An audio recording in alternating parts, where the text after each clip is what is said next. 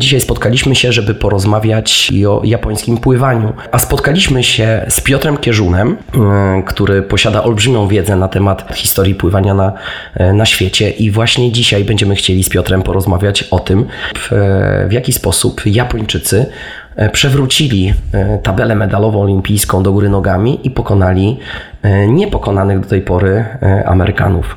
Tak, bo to jest bardzo ciekawe, bo jakby w E, jak patrzymy właśnie na, na te narody, które tam pływają najlepiej, e, no to Amerykanie na samym początku, Australia, która nam w pewnym sensie dała kraula, tak? bo jakby ten kraul tam przyszedł do nas gdzieś tam z Pacyfiku, o tak powiedzmy szeroko rozumianego, bo tam, tam pływano tak od, od, od dawien dawna, tamte e, narody.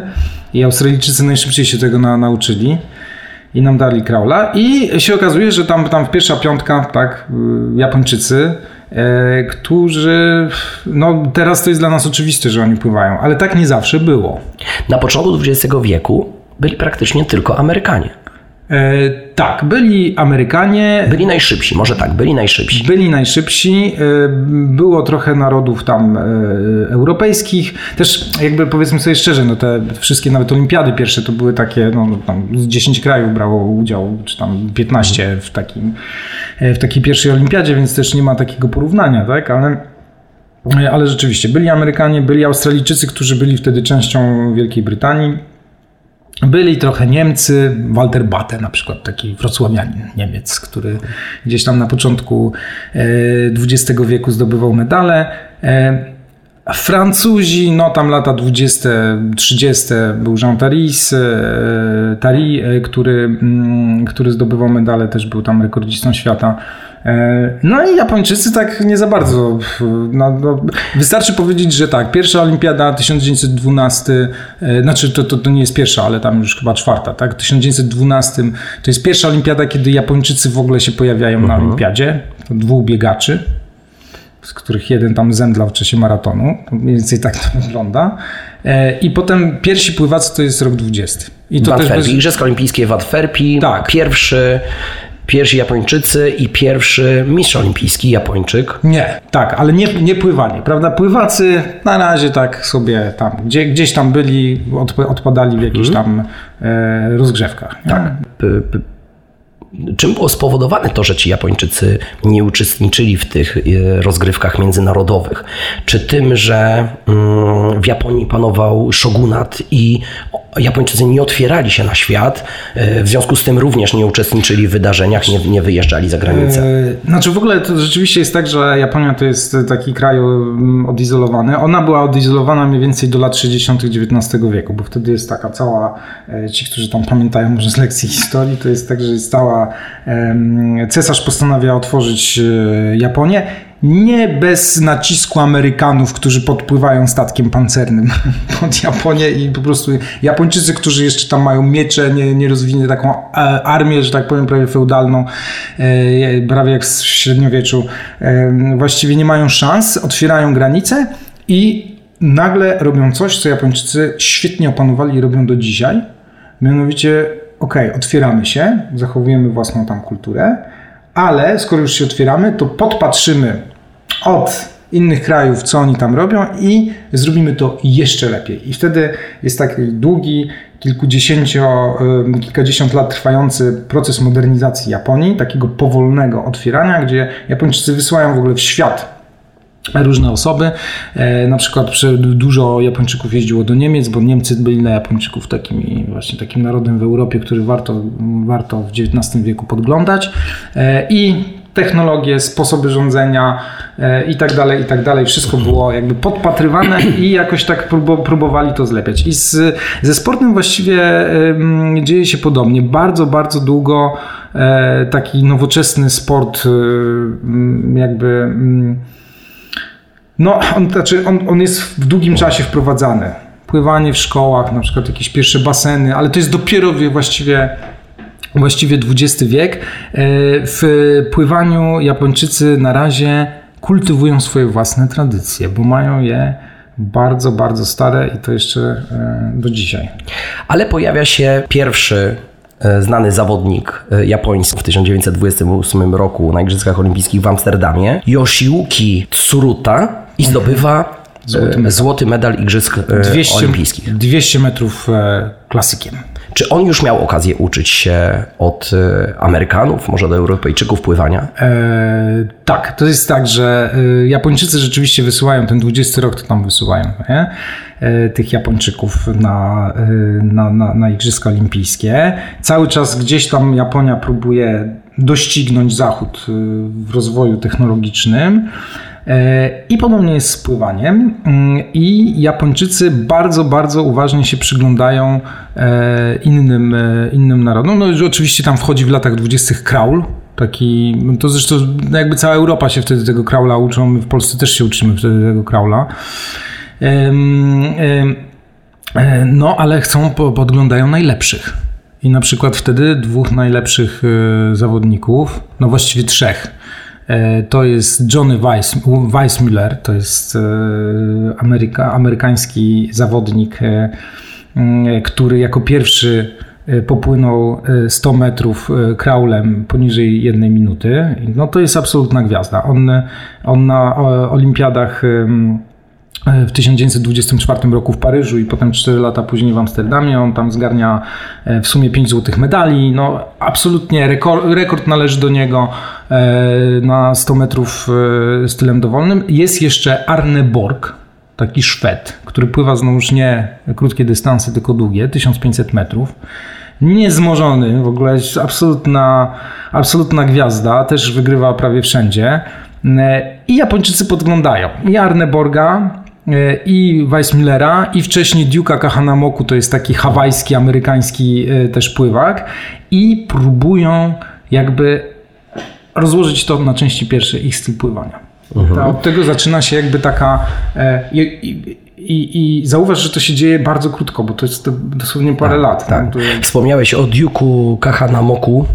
To pewnie cenna informacja dla Mateusza Sawrymowicza, ponieważ Duke był prekursorem surfingu. E, z tego nie wiadomo czy na świecie, a na pewno w Australii może być bardziej, e, słynąć bardziej niż z samego pływania, chociaż był wybitym pływakiem i również rekordzistą świata, którego rekordu chyba na początku nawet mu e, Światowa Federacja zaakceptowała. To był wynik na 100 yardów 55 sekund. Ja już nie pamiętam dokładnie, ale to mhm. rzeczywiście mogłoby, znaczy Amerykanie to wtedy rzeczywiście w yardach. A dlatego mówię o Mateuszu mhm. Sawrymowiczu, bo on też uwielbia wszystkie, każdego rodzaju deski, więc Kahana Moku na pewno byłby mu, byłby mu, bliski.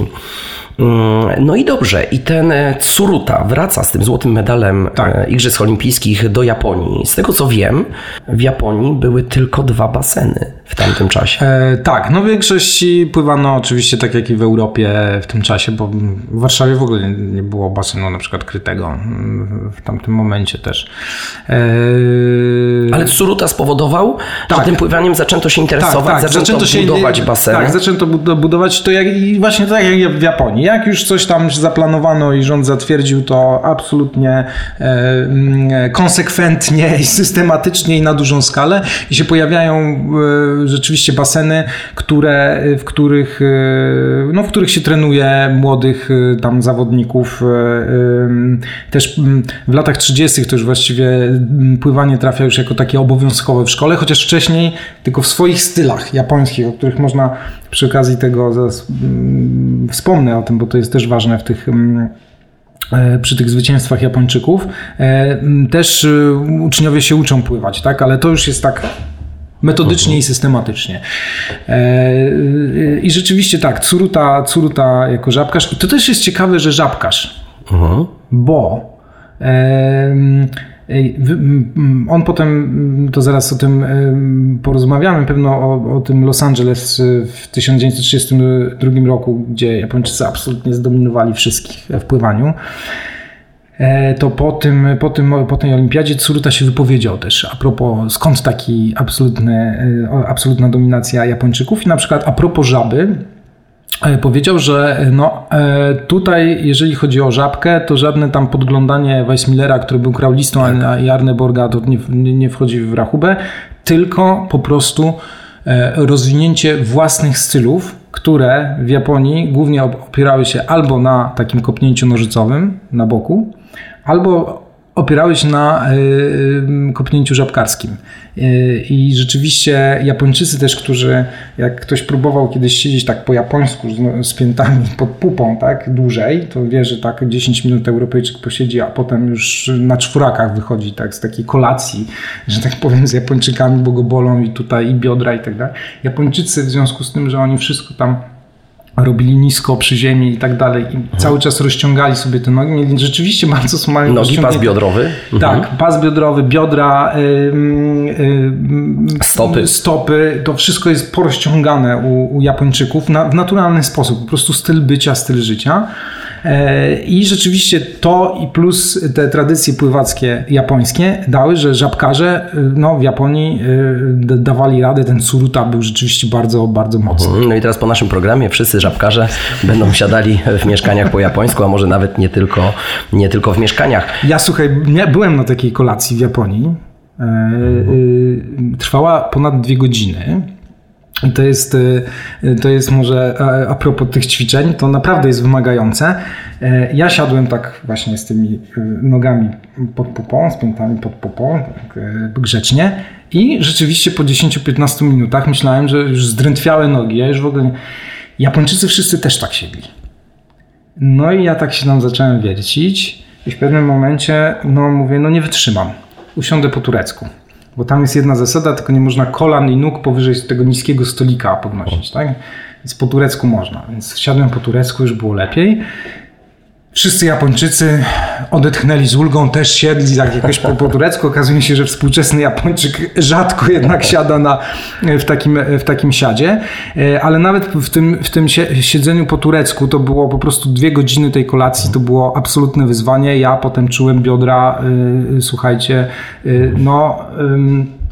Czułem je jeszcze tam do, do wieczora, tak, na mhm. drugi dzień.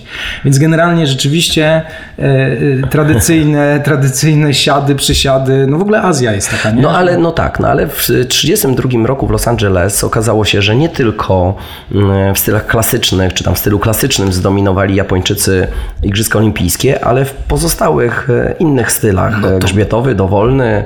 E, I jak to się stało, że tych, te inne style potrafili mm, tak udoskonalić, że, że, że pokonali wszystkich. Znaczy tam było, e, bo rzeczywiście powiedzmy o tej skali, tak? Bo tak. to jest tak, że e, ten 20 rok, przypomnijmy, to jest jakichś dwóch pływaków, którzy w ogóle nic tam nie zdobyli. E, potem jest tam 24, pojawia się taki kraulista, który potem będzie się ścigał z Weissmillerem, Takaishi się nazywał. I on był i na Olimpiadzie w 24 w Paryżu i potem w Amsterdamie, a potem był trenerem w 32, także to jest Oho. dosyć ważna e, postać e, e, i uważnie tam wszystkiemu się przyglądał. Czyli ten 24 to jest e, taka, jeśli to on tam jakieś piąte miejsca, potem Amsterdam to już jest Suruta właśnie, o którym mówiłeś, czyli złoty medal.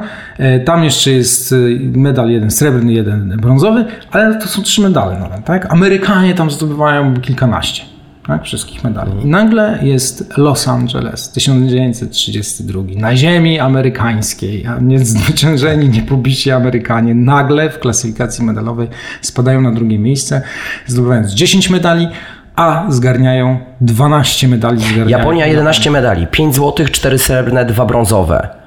Amerykanie 2 złote, 1 tak. srebrny, 2 no, brązowe. No to może się o jeden tam pomylić. 11 do 5 tak. E, cztery lata wcześniej sytuacja odwrotna. W cztery lata, można powiedzieć, e, dogonili i prześcignęli. Tak, prześcignęli absolutnie. Oni, tam tylko była jedna, jedna wygrana Amerykanów, jeden złoty medal zdobył... 400 dowolny. Tak, Buster Krabbe, taki potem znany może niektórym miłośnikom kina, bo on potem grał takich herosów różnych e, i w mhm. ogóle odważnych ludzi. I oni, I oni rzeczywiście... I dlaczego? I to 400 dowolnym, warto tak, wspomnieć. Tak. Rekord świata 4 minuty 48 sekund i 40 na długim basenie. To jest informacja dla naszych słuchaczy.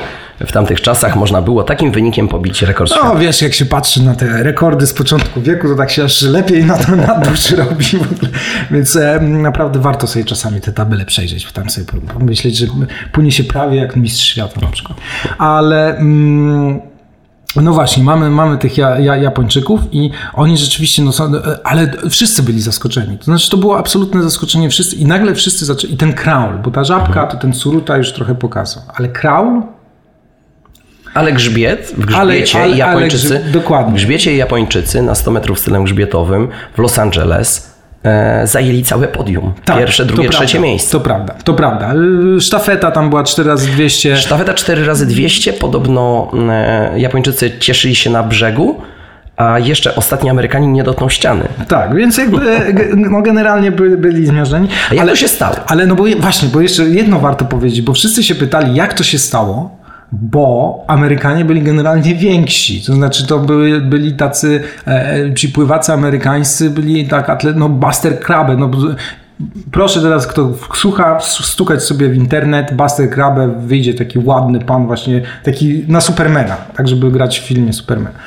E, Umięśnieni, wysocy i tak dalej, a Japończycy, no owszem, byli tam umięśnieni jak to pływacy, ale byli niżsi i tacy trochę mniej, e, mniej masy mieli, tak? Więc jakby wszyscy się zastanawiali, tacy mali, gdzie tam Doping. tkwi... Na pewno nie, no to absolutnie jakiś tam egzotyczny, prawda, z Japonii na zielonej herbacie e, się ścigali. No ale, ale e, rzecz tkwiła też w technice. To znaczy, ja już powiedziałem o, tych, o tym, że oni rzeczywiście, Japończycy byli bardzo e, porozciągani, tak? To jest, to, to, to, jest, to, to jest jasne.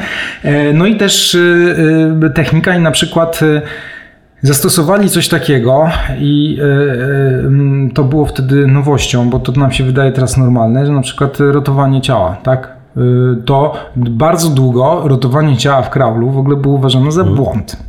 Znaczy, że trzeba Płasko płynąć po Płasko, tak? E, Zresztą nawet wtedy były takie komentarze, że e, to Japończycy tylko mogą się rotować, bo oni są właśnie tacy jakoś specjalnie zbudowani, a jak tam Europejczyk albo Amerykanin tak będzie pływał, to wcale nie będzie miał takich wyników, co się okazało oczywiście e, nieprawdą, tak? No i też jakby mm, oni też bardzo dokładnie zbadali i to, co dla nas jest teraz jakby też oczywistością, czyli na przykład to, że najważniejsze, jak wkładasz rękę do, jakby ciągniesz ręką w kraulu pod wodą i się odpychasz, to nie jest ten pierwszy tam, te pierwsze tam parę stopni, tak, tego Ten chwyt, łuku, tego, mhm. tego, ten, tylko ten chwyt najważniejszy jest gdzieś tam e, powiedzmy w, w połowie tego, Tak. tego całego ruchu. Ale oni odkryli również, że bardzo istotną sprawą, e, e, niemalże najistotniejszą e, w pływaniu, w poprawie techniki pływania jest budowanie długości kroku. Tak. To, co my teraz, e, te liczenie, prawda, ile tam cykli na, e, tam jak to się nazywa, stroke per distance, tak? Tak, to, E, to wymyślili Japończycy. Wymyślili Japończycy i to rzeczywiście, no te, właśnie, to teraz są takie, prawda, dla nas to jest takie absolutnie zwykłe. No wtedy to było jakieś rewolucyjne. Również z tego co wiem, z tego co pamiętam, mm, uznali, że należy położyć dużo większy nacisk na pracę nóg. e, Tak, że to absolutnie. Wszyscy, wszyscy, zresztą są takie filmiki, też y, bardzo polecam, y, jest kilka dosłownie tam gdzieś na, w internecie mm, dostępnych, ale one jakoś tam dobrze pokazują. Jak się patrzy na ten wyścig, to widać tę pracę nóg. To znaczy widać, że ten pierwszy Japończyk widać jak, jak bardzo mocno, e, bardzo mocno tymi, tymi, nogami, e, tymi nogami pracuje i rzeczywiście to było dosyć efektywne, bo niektórzy mówili, że mm, jakby ta, ten mm, właśnie kładzenie nacisku na to, żeby mieć jak najmniej cykli tam w czasie wyścigu, no to tak trochę wydłużało te, te, te ramiona, ale mm, to też mm, e, podbudowywały ich trochę nogi, tak? Że, bo, bo to wiadomo, że, że jak trochę przesadzimy z, tym- z, tym, z tym wydłużaniem i e, no to też możemy stracić, p- szczególnie na, na tych krótkich dystansach, to może No i ten postęp e, w tej technice, jak wszyscy wiemy, e, Japończycy są również świetni w e, elektronice, w systemach audiowizualnych. I czy to już był właśnie początek, ponieważ e, początek rozwoju, znaczy nie wiadomo co pchnęło bardziej do przodu, czy dbanie o technikę, czy poprawianie, czy doskonalenie tej techniki pływaków spowodowało, że rozwój audiowizualny w Japonii zaczął się mm, przyspieszać, ponieważ wykorzystano aparaty fotograficzne podwodne, kamery, które analizowały tą technikę pływacką Tak, już w latach e, 20. 20. Już latach 20. wieku. Tak, już w latach 20. Wiadomo, że e, jak były te, mm, jak się już w 24 roku w Paryżu, i to, czyli to jeszcze nie było tego pierwszego medalu Tsuruty w żabce, wiadomo, że ta, tam wtedy największą gwiazdą był Weissmuller, czy Weissmuller, jakby to czytać po po angielsku. Mm, no, absolutna gwiazda. Tam Jean Tarit, który był takim młodym wtedy pływakiem i dopiero potem był tym mistrzem Francji i tak dalej, to tam podglądał go w ogóle na basenach, był zachwycony tam, jak, jak, jak pływa. Wszyscy podglądali Wes Millera. Mhm. I to już wtedy Japończycy byli uzbrojeni w te wszystkie aparaty i wtedy ob, obfotografowali, obfilmowali w ogóle wszystko właśnie Wes Millera jak pływa, bo, żeby, żeby tam pod, podglądnąć i, i, i, zrobić lepszą wersję, tak?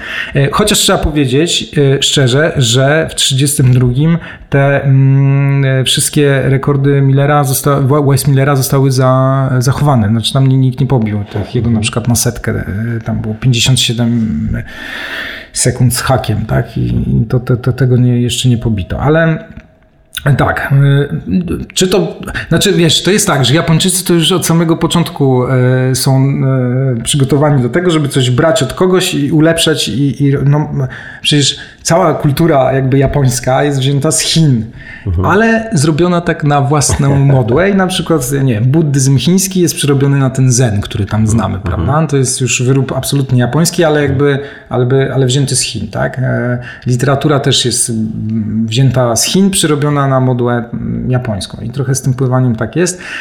E, e, ja myślę, że to wszystko, wiesz, się tam jakoś w tych latach 20., 30. zbiegło, bo hmm, no taki bliski mi też, bo z kręgu kulturalnego e, e, rynek, e, czyli filmowy, to, to nomen omen, no to też tak wyglądało, że mhm. oni też tam zaczęli budować te swoje wielkie mm, japońskie wytwórnie filmowe, też podglądali Amerykanów, podglądali Niemców, którzy byli wtedy bardzo mocni.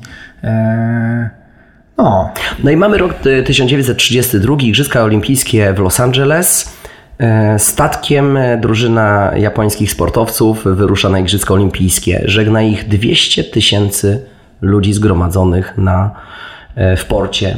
Mm, czyli oczekiwania samych Japończyków byli, były olbrzymie. Jasne, I by, a znowuż w Los Angeles czekają na nich też Japończycy, bo jest bardzo duża, akurat to jest to wybrzeże e, zachodnie, więc tam jest dosyć duża e, taka mniejszość e, japońska, więc i oczywiście absolutna duma narodowa. Bo to jest też jakby, no oczywiście, że sport był wykorzystywany do budowania dumy narodowej Japończyków. To są te lata 20, 30, no 30 rok to już, lata 30 to już jest taki trochę tam taki militaryzm zaczyna wchodzić.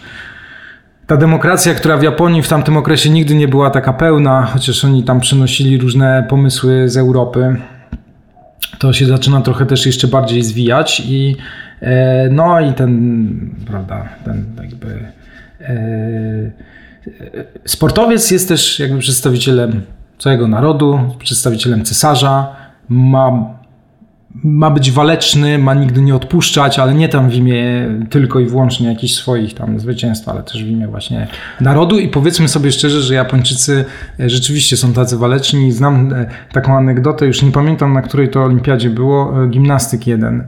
Przecież wylądował, miał na kółkach, miał na kółkach, miał złamaną nogę już, na kółkach jeszcze wystąpił i wylądował z tych mhm. kółek, ustał i nawet coś tam zdobył był, potem zemdlał, gdzieś go tam powieźli na...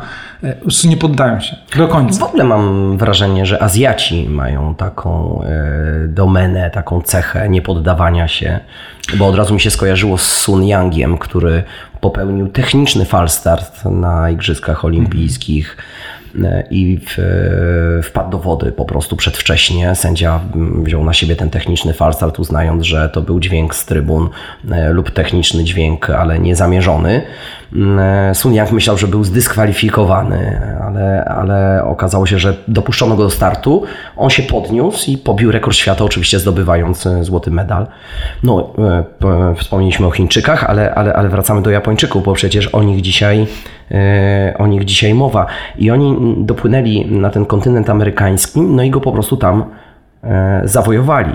Tak, no, no, no była trochę taka, taki lata 30 do kolejnej e, olimpiady, tym razem w Berlinie, gdzie też jakby to na inną w ogóle, na inną rozmowę, tam też Japończycy mhm. dobrze się, już może nie tak nie, nie zdobyli aż, znaczy nie, nie, nie zdobyli tej, ta, takiej liczby medali, ale też się bardzo dobrze zaprezentowali. To była trochę taka e, zastanawianie się nad tym japońskim cudem pływackim. No bo to rzeczywiście, to tak jakby znikąd. Tak. Tylko, że ja cały, cały czas w tych rozmowach, jak sobie rozmawiam ze znajomymi, którzy się tam interesują e, historią pływania, to zawsze podkreślam, że to nie jest tak do, do końca znikąd. No, naprawdę, y, y, tradycje pływackie i to takie szkoły pływackie, tylko mhm. oczywiście zupełnie inne style takie E, które zresztą były też i w Europie. Wcześniej się pływało na boku, prawda, bardzo dużo. No to, hmm. Takie różne e, style wykorzystywane w wojsku, tak, militarne. No to to było...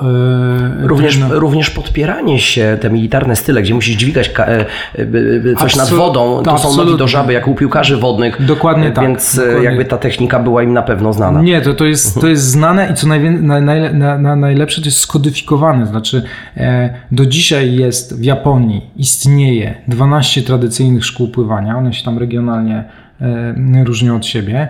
E, to co prawda jest taka nisza niż i to dla, dla takich wariatów trochę jak na przykład ja. Ale w tak. kolejnych odcinkach pewnie opowiemy o e, koniecznie, szkole. Koniecznie, bo, bo, bo jest co opowiadać. samurajów. Tak, tak, bo jest to co opowiadać. I to nie jest, i, i, i tam rzeczywiście to jest skodyfikowane i Także to nie jest tak, że, e, że to się jakoś wzięło znikąd. W ogóle zresztą ta strefa Pacyfiku, e, ona oczywiście potem, no to też punktu widzenia tego, że no, organizacji sportowej, tak, że tam no, po prostu nie było, mhm. sport nie był tak zorganizowany jak w Europie albo w, w Australii albo w Stanach Zjednoczonych, e, no, ona zawsze była dobra. No na przykład e, jest jedna, e, jeden taki bohater, tam nie wiem czy coś, chyba zdobył brąz właśnie w Los Angeles, Ildefonso, Filipińczyk. Na przykład Filipiny mhm. były całkiem niezłe, całkiem niezłe w pływaniu. Mhm.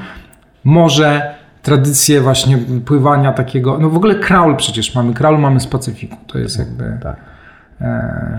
No ale wracając do Japończyków, ten e, Yoshiyuki e, Tsuruta po raz drugi zdobywa złoty medal Igrzysk Olimpijskich w Los Angeles na tym samym dystansie 200 tak. metrów e, stylem klasycznym.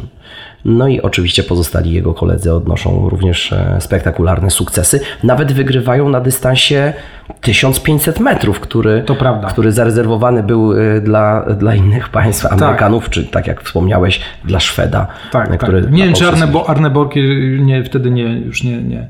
E, z takich ciekawostek tylko jeszcze jeden pływak japoński zdobył dwa złote medale na tym samym dystansie. To był Kosuke Kitajima.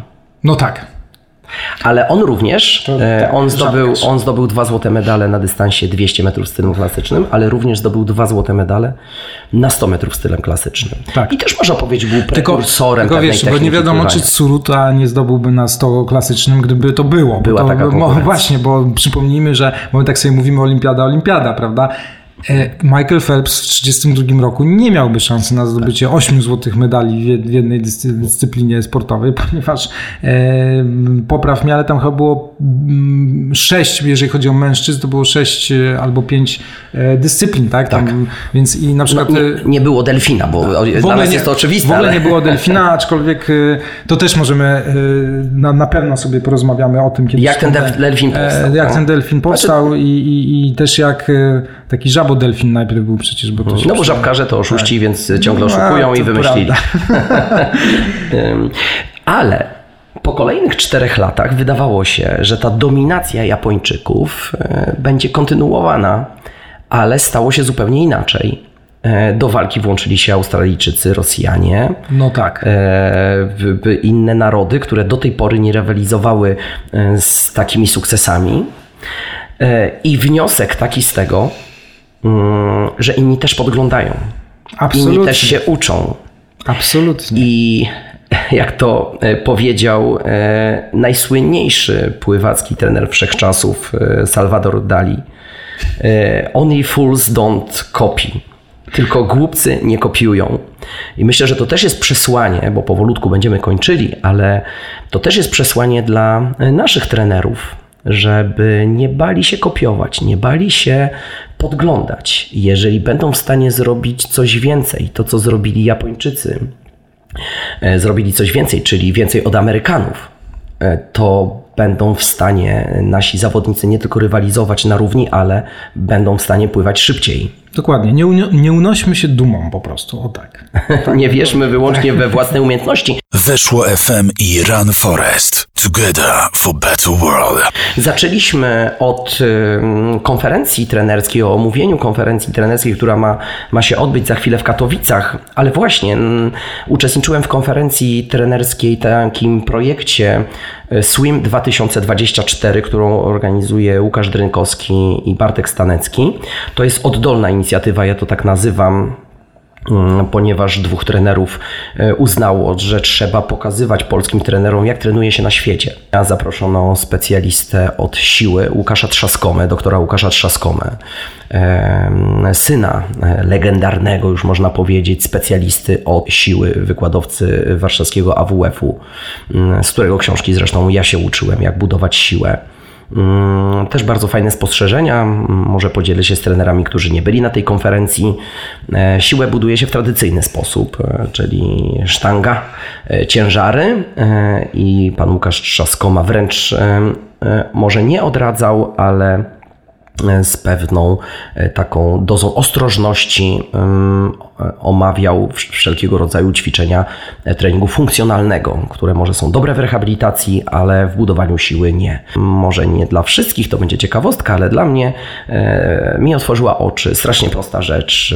Umieścił trzy zdjęcia na jednym ekranie legendarnego, wspominanego dzisiaj Johnego Weissmillera, obok Marka Spica, e, siedmiokrotnego medalisty Igrzysk Olimpijskich i Michaela Phelpsa, trzech gladiatorów pływackich, e, gdzie pierwszy mimo tego, że mm, był bohaterem filmu Tarzan i podziwialiśmy jego muskulaturę, był zdecydowanie skromniej zbudowany niż Mark Spitz. Mark Spitz już był typowym pływakiem, ładnie zarysowana muskulatura.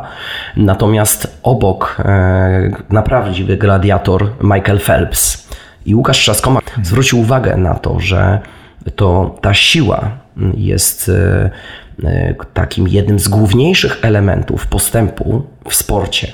Jeżeli zwrócimy uwagę na technikę pomiędzy Weissmillerem pływania a Spicem, te różnice może będą zdecydowanie większe niż między Spicem a e, Phelpsem. A Phelpsem. Tu już te różnice tak naprawdę są niewielkie.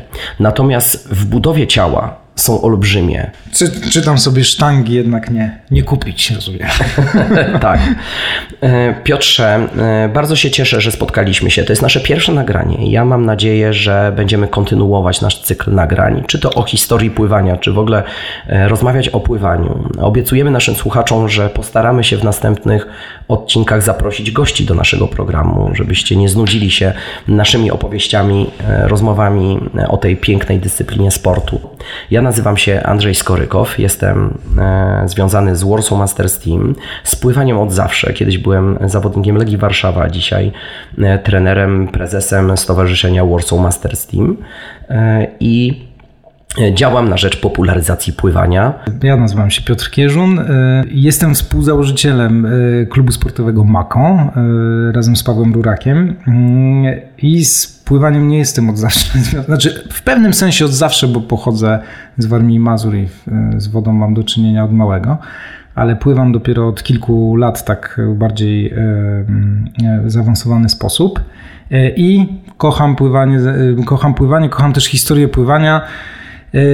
Staram się jakoś ludziom przybliżać, a poza tym zajmuję się literaturą, książkami, piszę recenzje. Moi drodzy, w takim razie do usłyszenia w następnym odcinku. Dziękujemy. Dziękujemy bardzo. Run Forest. Together for better world. Że chcesz, żebym był takim kierownikiem zespołu. Wiesz, no, znaczy ja, ja nauczony też doświadczeniem prowadzenia na przykład różnych tam rozmów, debat jako moderator akurat, Wiem, że musi być taki, taka osoba, która na przykład nawet powie, że no już gadamy tyle, że no nie wiem. No, wolisz mieć, wolisz mieć Kierownik sobą, produkcji, jesteś kierownikiem produkcji. Wolisz mieć nad sobą, rozumiem, przełożonego. Eee. Nie, ja nigdy nie tytułowałem i nie narzucałem funkcji mm, pracownikom, którzy do mnie przychodzili albo którzy u mnie pracowali. Zawsze lider e, wyrastał z zespołu. Okay, Mam nadzieję, okay. że u nas nie będzie takiej potrzeby, żeby, żeby w ogóle taki lider musiał e, wyrastać i e, tak jak mówiłeś na samym początku, taki podcast będziemy nagrywali na zasadach partnerskich. Jasne. Czyli ty zadajesz pytania, e, ja zadaję pytania, ja czasami powiem, słuchaj, Okej. koniec, bo ja już jestem zmęczony, a czasami to ty powiesz, nie możemy dłużej dobra, nagrywać, dobra, bo wyczerpaliśmy dobra. cały temat. Super. Właśnie, ważna zasada jest taka, żebyśmy nie mówili na raz, tak jak w Run Forest, nie wiem, jeżeli słuchałeś kiedykolwiek, właśnie ta zasada nie obowiązywała. Tam gadaliśmy jeden przez drugiego i to naszym słuchaczom mm, często bardzo przeszkadzało, no ale taka była formuła i taki był też nasz e, temperament. Run Forest. Together for better world.